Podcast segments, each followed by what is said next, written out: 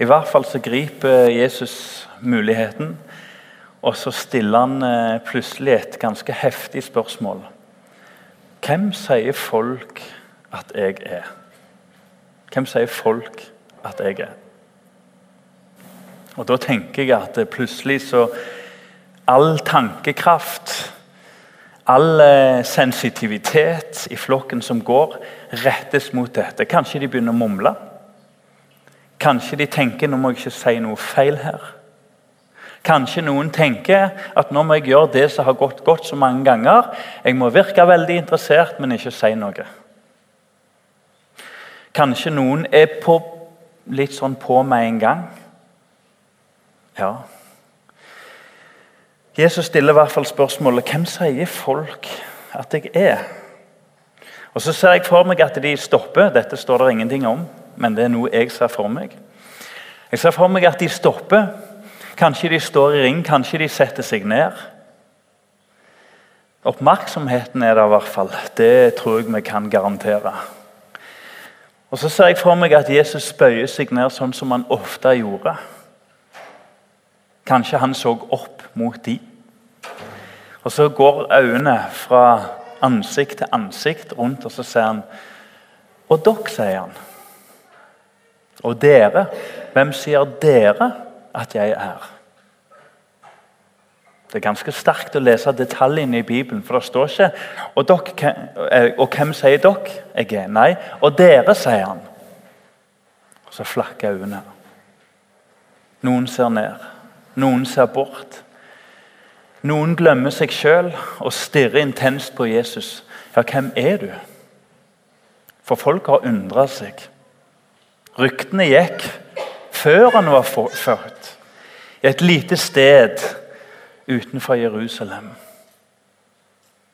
Det var noen slektninger, noen søskenbarn, som òg var i mors liv. Og dette begynte å sive ut. Kunne det være? De var lei av falske Messiaser. De var lei av løgn, oppvigleri. Det falt til jorda alt. Gutten trer inn i templene, tolv år. Undringen brer seg. Hvordan kan en, en gutt være så vis? Ingen har talt sånn i dette tempelet før.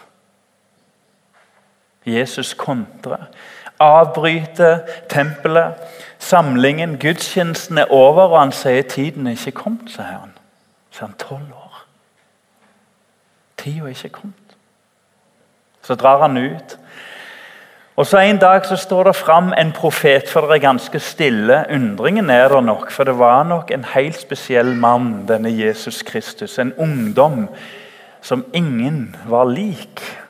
En dag så står det fram en mann som heter Johannes. Jeg tror vi kan kalle han en raring. Full av salt og lys i sin liv og i sin forkynnelse. Så sier han Se der, sier han. Der er lammet. Guds lammet. Og fra den dagen av så ble det synlig for alle. Da begynte Jesu kraftfulle virkning treårige virkning. 30 år hadde han venta, men timen var ennå ikke kommet. Han forkynte, han underviste. Det var frustrasjon, for hele verden sto der, rant etter denne mannen og denne flokken med den nye troen. Ja. Hvem sier folk at jeg er? I ditt og mitt liv så dukker det ofte opp situasjoner der vi spør oss sjøl noen viktige spørsmål. Gjør det ikke det? Eller har vi blitt så hardhjerta at vi skyver unna enhver mulighet til å sette seg ned og være stille og reflektere og la Guds rike få trenge på? Ikke engang tanken, egentanken, får plass. Men det er noen viktige spørsmål som vi må finne svaret på. Ellers er vi jo rett og slett uansvarlige òg som mennesker. Heldigvis i Guds rike så trenger vi ikke vite alt. Eh, du kan være en tro tjener i Guds rike uten å kunne alltid svare. Takk og lov. Jesus han nærmest mobbte sine tilhengere når han forklarte lignelser. Og så ser han dere forstår ingenting, selv når jeg forklarer det ved lignelser. Det måtte åpenbares, det òg. Så hvor mye forsto de? Men vi trenger ikke forstå alt. Det blir litt sånn som elektrisitet. Der er det et 16 eller 10 amperes punkt. Så mye mer vet ikke jeg. Litt om likestrøm og vekselstrøm, og så må du ikke blande 380-220. Da smeller det. Ikke sant? Én- og trefase er det jo òg noe om. Men jeg har glemt alt det andre. Men jeg kan jo bruke strømmen. Og Jeg har et bevisst forhold til det, en glede og takknemlighet over det landet vi bor i. Du bare plugger, og det koster nesten ingenting i forhold til andre land. Sånn er Guds rike òg. Velkommen, bror og søster. Det er mye vi kan få lov å vandre i, selv om vi ikke forstår alt. Og Gud har ikke kalt oss til å forstå alt. I beste fall har han kalt oss til å forstå stykkevis og delt. Men det er noen spørsmål. Og nå er Jesus kommet til det punktet. Hvem sier du at jeg er? Hvem sier folk at jeg er? Kan du svare på det nå? Av og til så må jeg svare for venner, for folk jeg treffer. Og så kjenner jeg at jeg klarer ikke å gjøre helt rede for meg. Jeg sitter fast. Jeg fomler. Og når jeg går ifra samtalen, så tenker jeg Hvordan kunne du rote det sånn til? Hvem sier du at jeg er? Det var mange svar. Et av dem var f.eks. Eh, konge. Noen kalte han frelser, noen kalte han og hør på den du, synderes venn. Hyrde. Noen kalte han lærd. Rabbi. Og så fikk han òg en sånn underlig tittel. Snekkersønnen Snekker, eh, Snekkersønnen fra Nasaret. Det ligger mye undring i det. Snekkersønnen fra Nasaret. Kunne vi fått opp Matteus 16? Og Så skal vi lese litt om denne situasjonen. Da Jesus var kommet til traktene ved Cesarea Filippi, spurte han sine disipler hvem sier folk at menneskesønnen er. De svarte noen sier eh, døperen Johannes, andre Elias, andre enn Jeremia. Skal vi glede oss litt over at det er litt kaos her? Når vi av og til leter og ikke finner ut. Her er det skikkelig kaos. Eller en annen av profetene. Han sier til dem, men dere Hvem sier dere at jeg er? Da svarte Matteus, og ikke det typisk. Eh, da svarte Simon Peter ja, det var skikkelig treff, altså. Det må ikke komme ut herfra. Ikke en Ja, det var, det var han der nede. Simon Peter sa, 'Du er Messias, den levende Guds sønn'. Kan vi si at han svarte godt? Kan vi si at det er Peter han som når han skyter, enten så er det smokk innertier, eller så skyter han rett i leggen, og helst sin egen. Svarte han ikke godt? Var ikke det en innertier? Du er Messias. Den levende Guds sønn. Jesus svarte han og sa, 'Særlig er du, Simon Jonas' sønn.' For det er ikke kjøtt og blod som har åpenbart dette for deg, men min far i himmelen. Og allerede nå kan vi egentlig bare gå hjem. Og så kan vi grunne på nettopp det som har vært ditt problem i så mange år. Du har ikke skjønt det. For det er ikke blitt åpenbart. For du har aldri fått oppleve at Den hellige ånd åpner noe opp. Og vet du hva? Det har ingenting med å være begava Det har ingenting med visdom å gjøre. Det er ingenting med kunnskap å gjøre. Men Guds rike må åpenbares ved Den hellige ånd. Det er mye vi er uenige om rundt forbi på jord, men dette er vi i hvert fall teoretisk enige om. Guds rike må åpenbares. Så kanskje i fortsettelsen så skulle vi minne hverandre om det. og be Gud den bønnen. Herre Jesus, kan du bli levende Guds sønn for meg? Det er en livsfarlig bønn, for den forandrer liv. Den gir mening, framtid og håp. Men det er en livsfarlig bønn.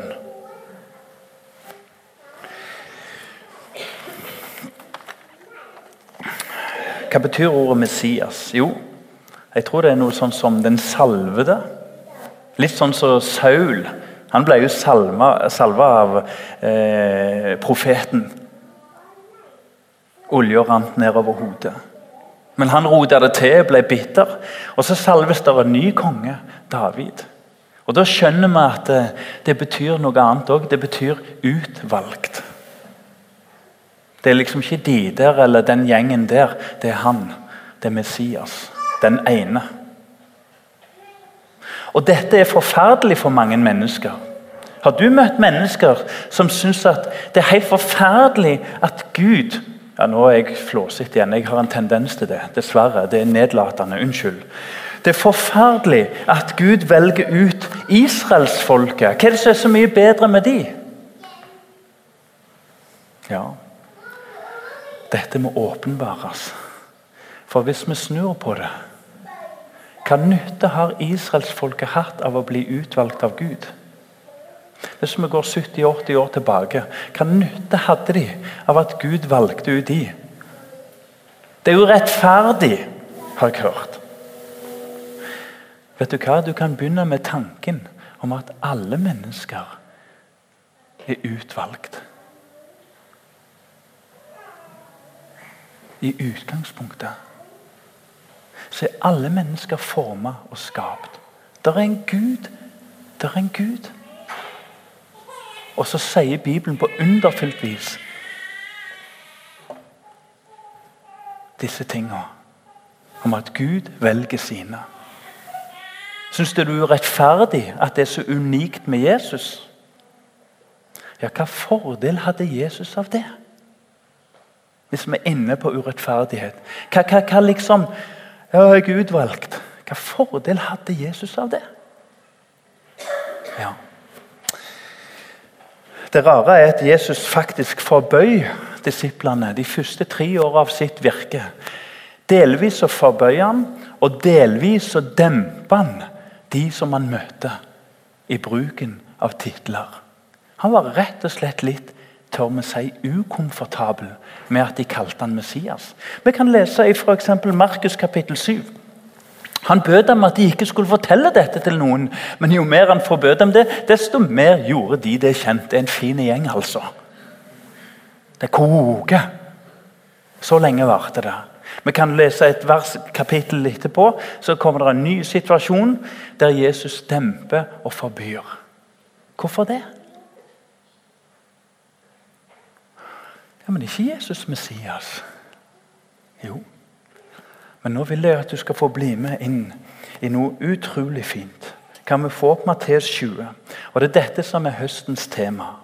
Det er dette tjenersinnet. Det er verdens kjedeligste tema. Tjenersinn. Du kan sovne før du har begynt, men hør. Så kom mor til CBD-sønnene. Ja, det er litt av ei mor som tenker på ungene sine. Det er litt av ei mor. Til ham med sine sønner og falt på kne for ham for å be ham om noe. Det var ikke noe å si på stilen. Hun falt pladask på kne. Alt var korrekt. Sønnen står bak der som litt sånn tufser, og mor hun kjører på. For mor hun ordner både med leilighet, og far han ordner med, med alt opp igjennom. Det skal ikke mangle på noen ting. Mamma og pappa ordner og fikser. Ja da. Skal ikke stå på noe. Han sa til henne, 'Hva vil du?' Hun sa til ham, 'Si at disse mine to sønner skal sitte hos deg i ditt rike.' En ved høyre side og en ved venstre side. Men Jesus svarte og sa, 'Dere vet ikke hva dere ber om.' Kan dere drikke den kalk jeg må drikke? De sa til ham, det kan vi. Han sier til dem, min kalk skal dere drikke. Nok drikke. Men å sitte ved min høyre og venstre side, Det står ikke til meg å gi, men det er for dem som det er beredt for av min far. Da de, hørte, da de ti hørte dette Her, det, her kommer det en fin gjeng. vet du. Nå, nå har de, de valgt den vanlige liksom, bakpå nå. Vent litt nå. Nå, nå slår vi til. Ble de harme på de to brødrene?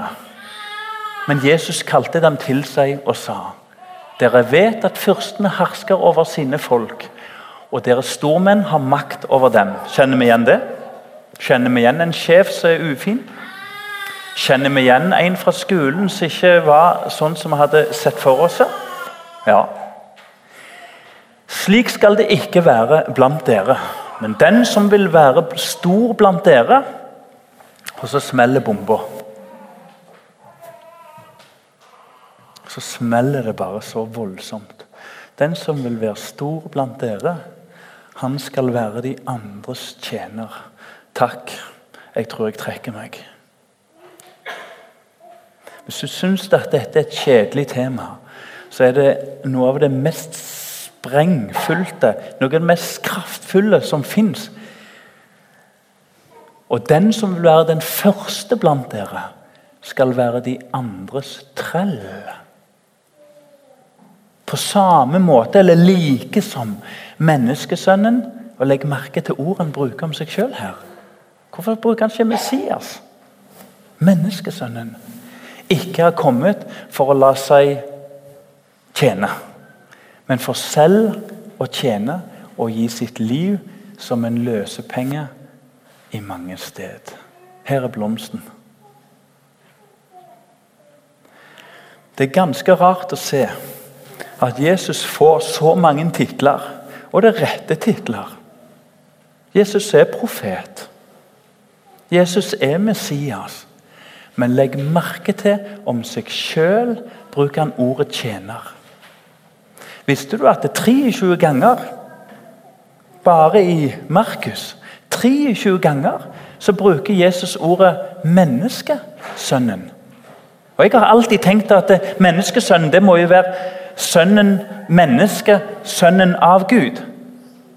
Men det betyr i bunn og grunn noe så kjedelig som menneske. Og det er her alt rakna. Hvem hadde tenkt seg at han skulle være et ordinært menneske? Og så en håndverker! Det må jo være tidenes nedtur. En håndverker! Ulærd i embetstenkning.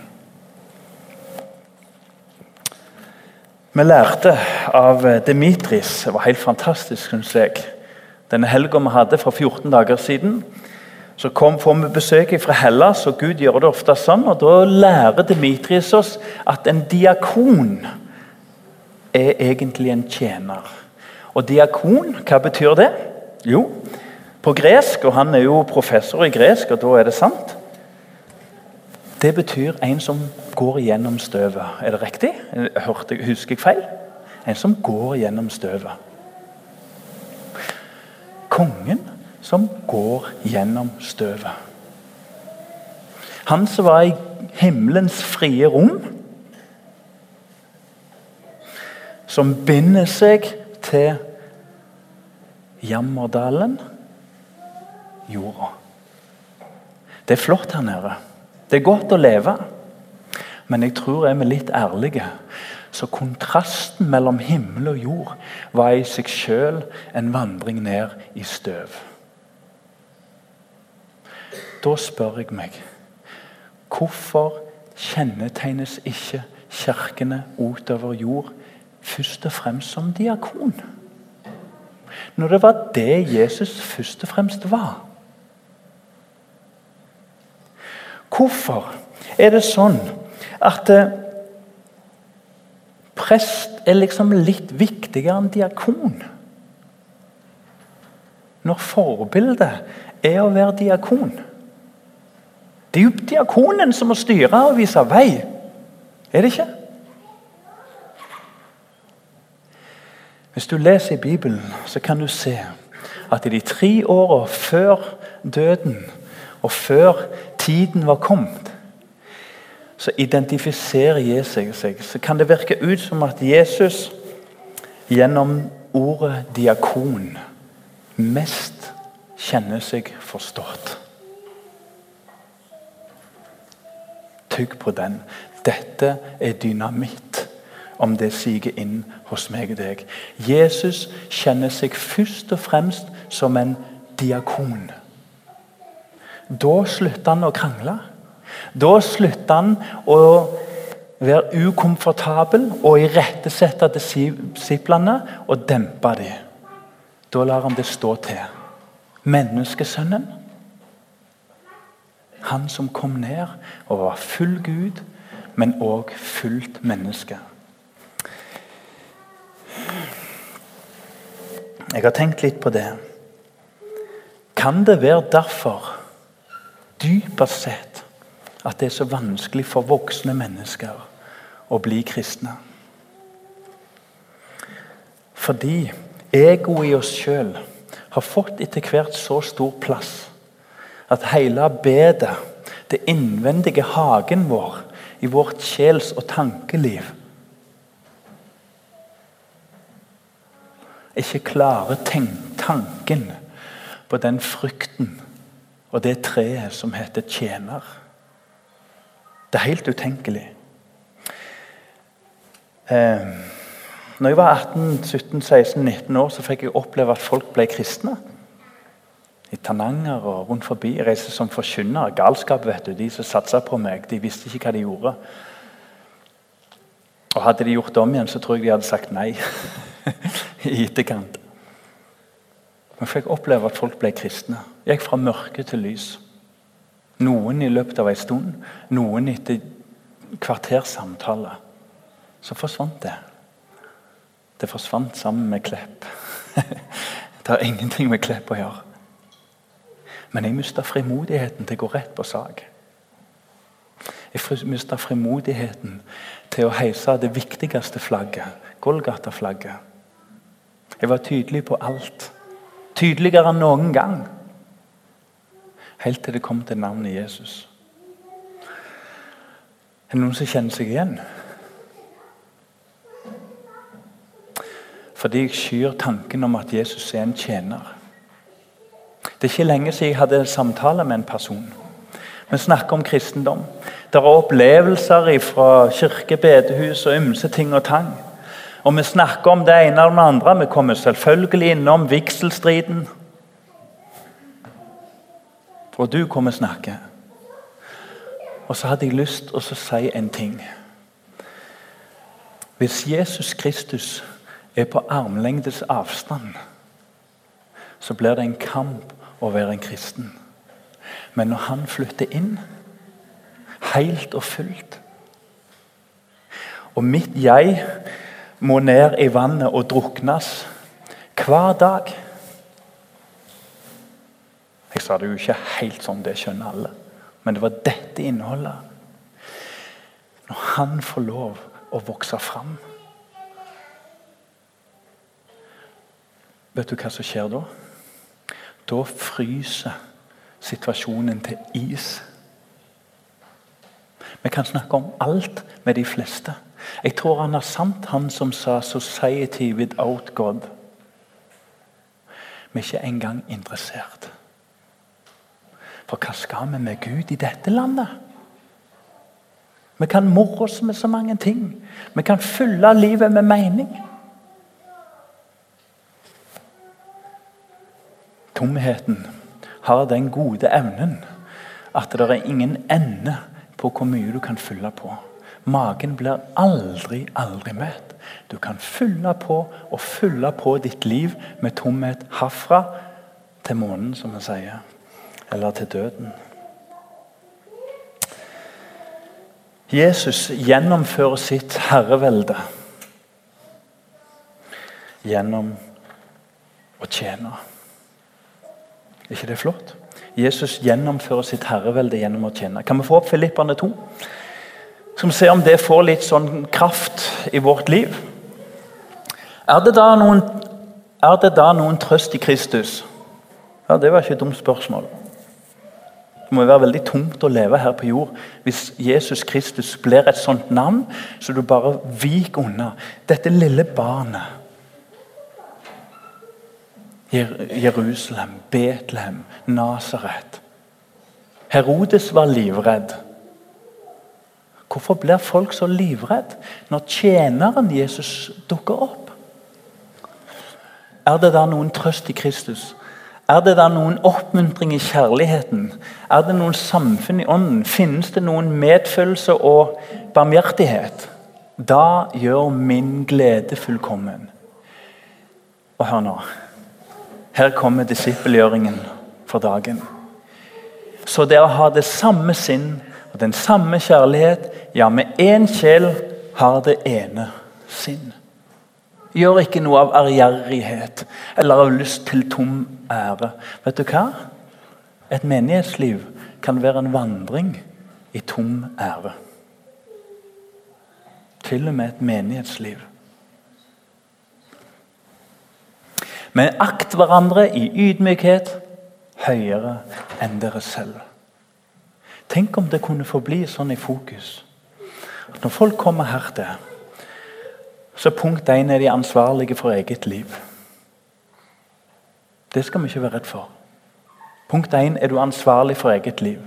Hvis andre bedehus gjør at du ikke tar imot, eller kirker gjør at du holder Gud på avstand, så gir du andre mennesker en enorm makt i ditt liv. Punkt to Men punkt én det kan ikke du og jeg gjøre noe med. Punkt to Tenk om mennesker kunne få komme inn her, og så vil de tydelig og ganske rakt si her er det noe helt annet. Her er det ydmykhet. Her er det tjeneste. Her er det hjelp. Her er det omsorg. Her er det øyne som ser. Her er det ører som fanger opp og lytter. Her er det villige hender og villige føtter. Det var sånn Guds rike raste fram de 300 første åra. Evangeliet fikk bein å gå på. Les brevet til Diogné. Han er djupt rysta over livsstilen til de første kristne. Mange kristne i dag går i gråtoner med resten av samfunnet. Er vi der? Ingen må bare se på sitt eget, men enhver må også ha de andres gagn for øye. Det er godt når andre har deg sjøl for øye, altså. Og det som gagner deg. Tenk så flott. La dette sinn være i dere, som òg var i Kristus Jesus, han som, da han var i Guds skikkelse, ikke holdt det for et røvet bytte. Det var liksom ikke nedtur å være Gud lik, men gav avkall på det og tok en tjeners skikkelse på seg han kom i menneskers lignelse. Vårt kall er å gi avkall. I dag fikk vi se begravelse. Og det er det Gud kaller oss til i dag. Det er å herskeren. Begrave egoisten. Sånn at tjeneren får vokse fram. Fornedret han seg selv og jo da en far var funnet som et menneske, fornedret han seg selv og ble lydig til døden, ja, døden på korset. Derfor har, og, og, og så kan vi stoppe der. Og så kan vi spørre oss sjøl ja, er dette en interessesak. For det er faktisk noe jeg møter ofte. Jeg blir avvist på interessebasis. Jeg er ikke interessert. Jeg tror forskeren, Det er en jødisk forsker med tysk navn. nå husker jeg dessverre ikke navnet. Det er en helt ny eh, forskning som kom. Society Without God.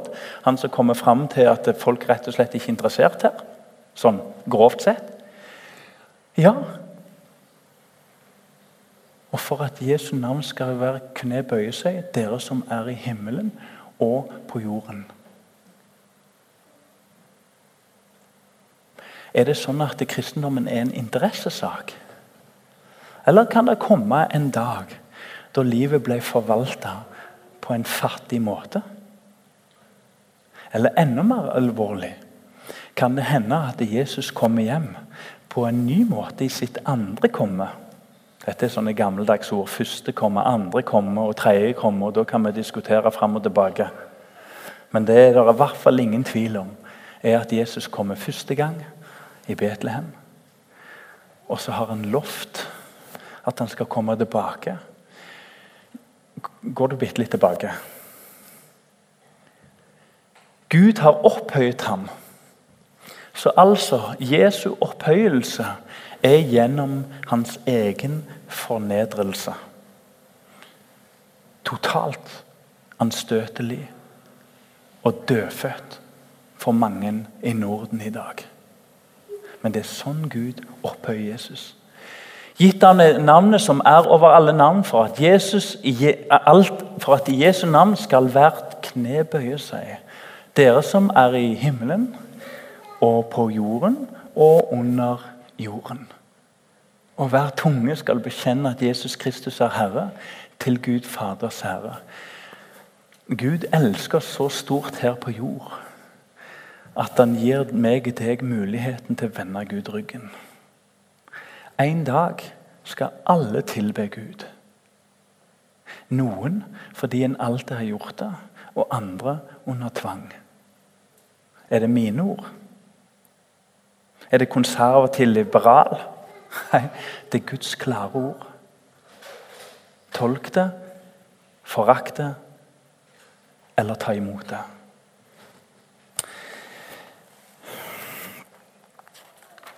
Jeg har en drøm.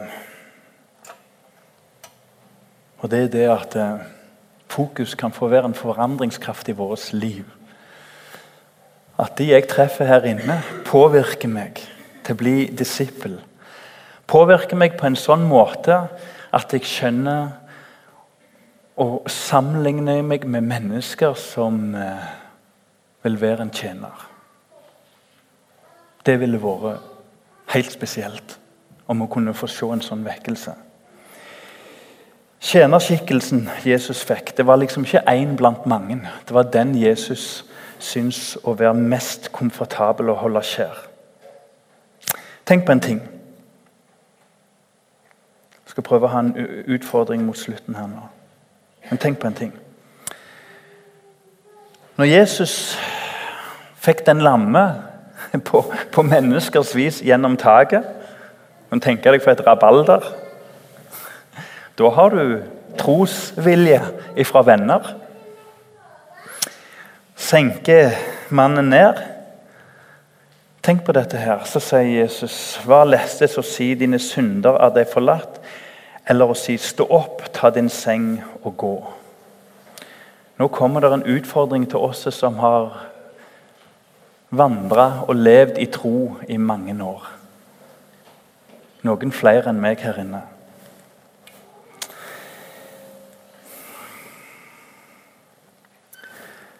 Hva er viktigst av de to? spør Jesus.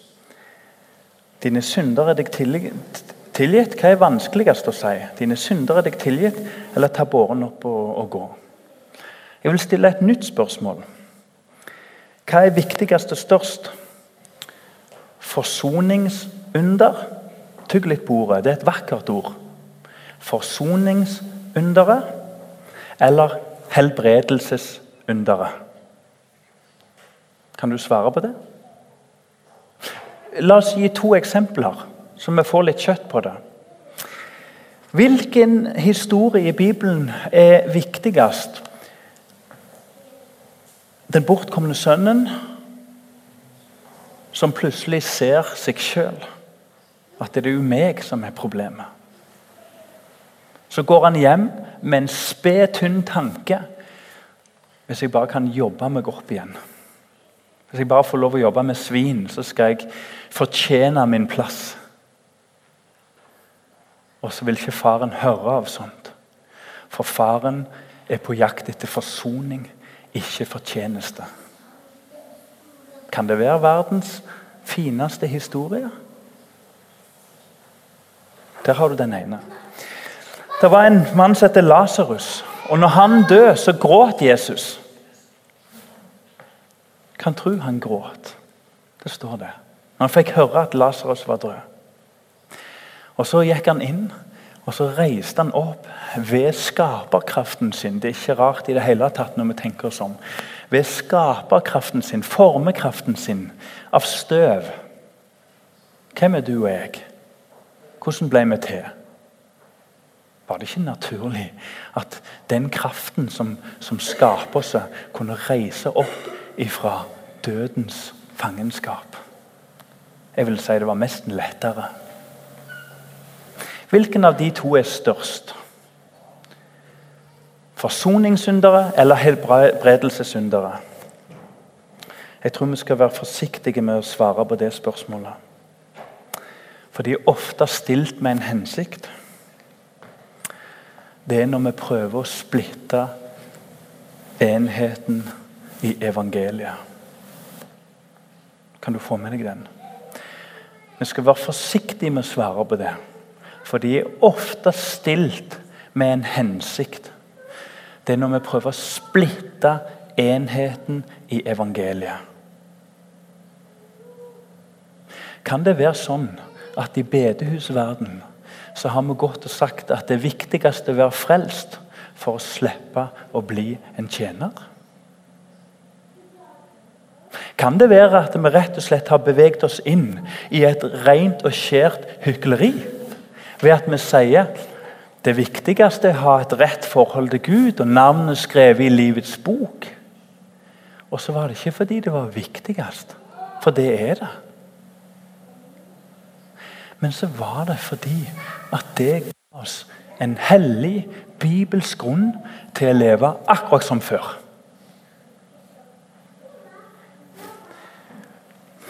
Jeg avslutter med to bibelvers. Og Det har noe med klær å gjøre. og Det syns jeg passer i dag. Fordi at i dag var det en dåpskjole. Eh, den har jeg forstått flere barn har brukt. Eller er det første? Nei, det er flere. Ja, Så det er litt sånn historie her òg. Og I Bibelen så er det masse bruk av klær. Masse bildebruk. Eh,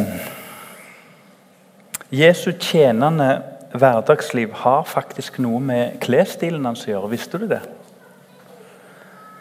Hvis du ser bilder av Jesus, så ligner han ofte med all respekt, så ligner han ofte på en italiener, sånn røftlig. Og de er jo vakre. Italienere. Noen bilder mangler bare de rette skoene. Så er det 100 en italiener fra Milano. Vi må tørre å flåse litt. Ikke sant? Faktum var at Jesus var en jøde. Og så sannsynligvis ut som en jøde, for det står ingenting om det. at han ikke så ut som det. Og Jøder hadde som tradisjonen en kjortel. Ikke sant? Det var det, den drakten de var faktisk påbudt, pålagt å gå i. Det var uhørt av Jesus som rett jøde å ikke gå i den.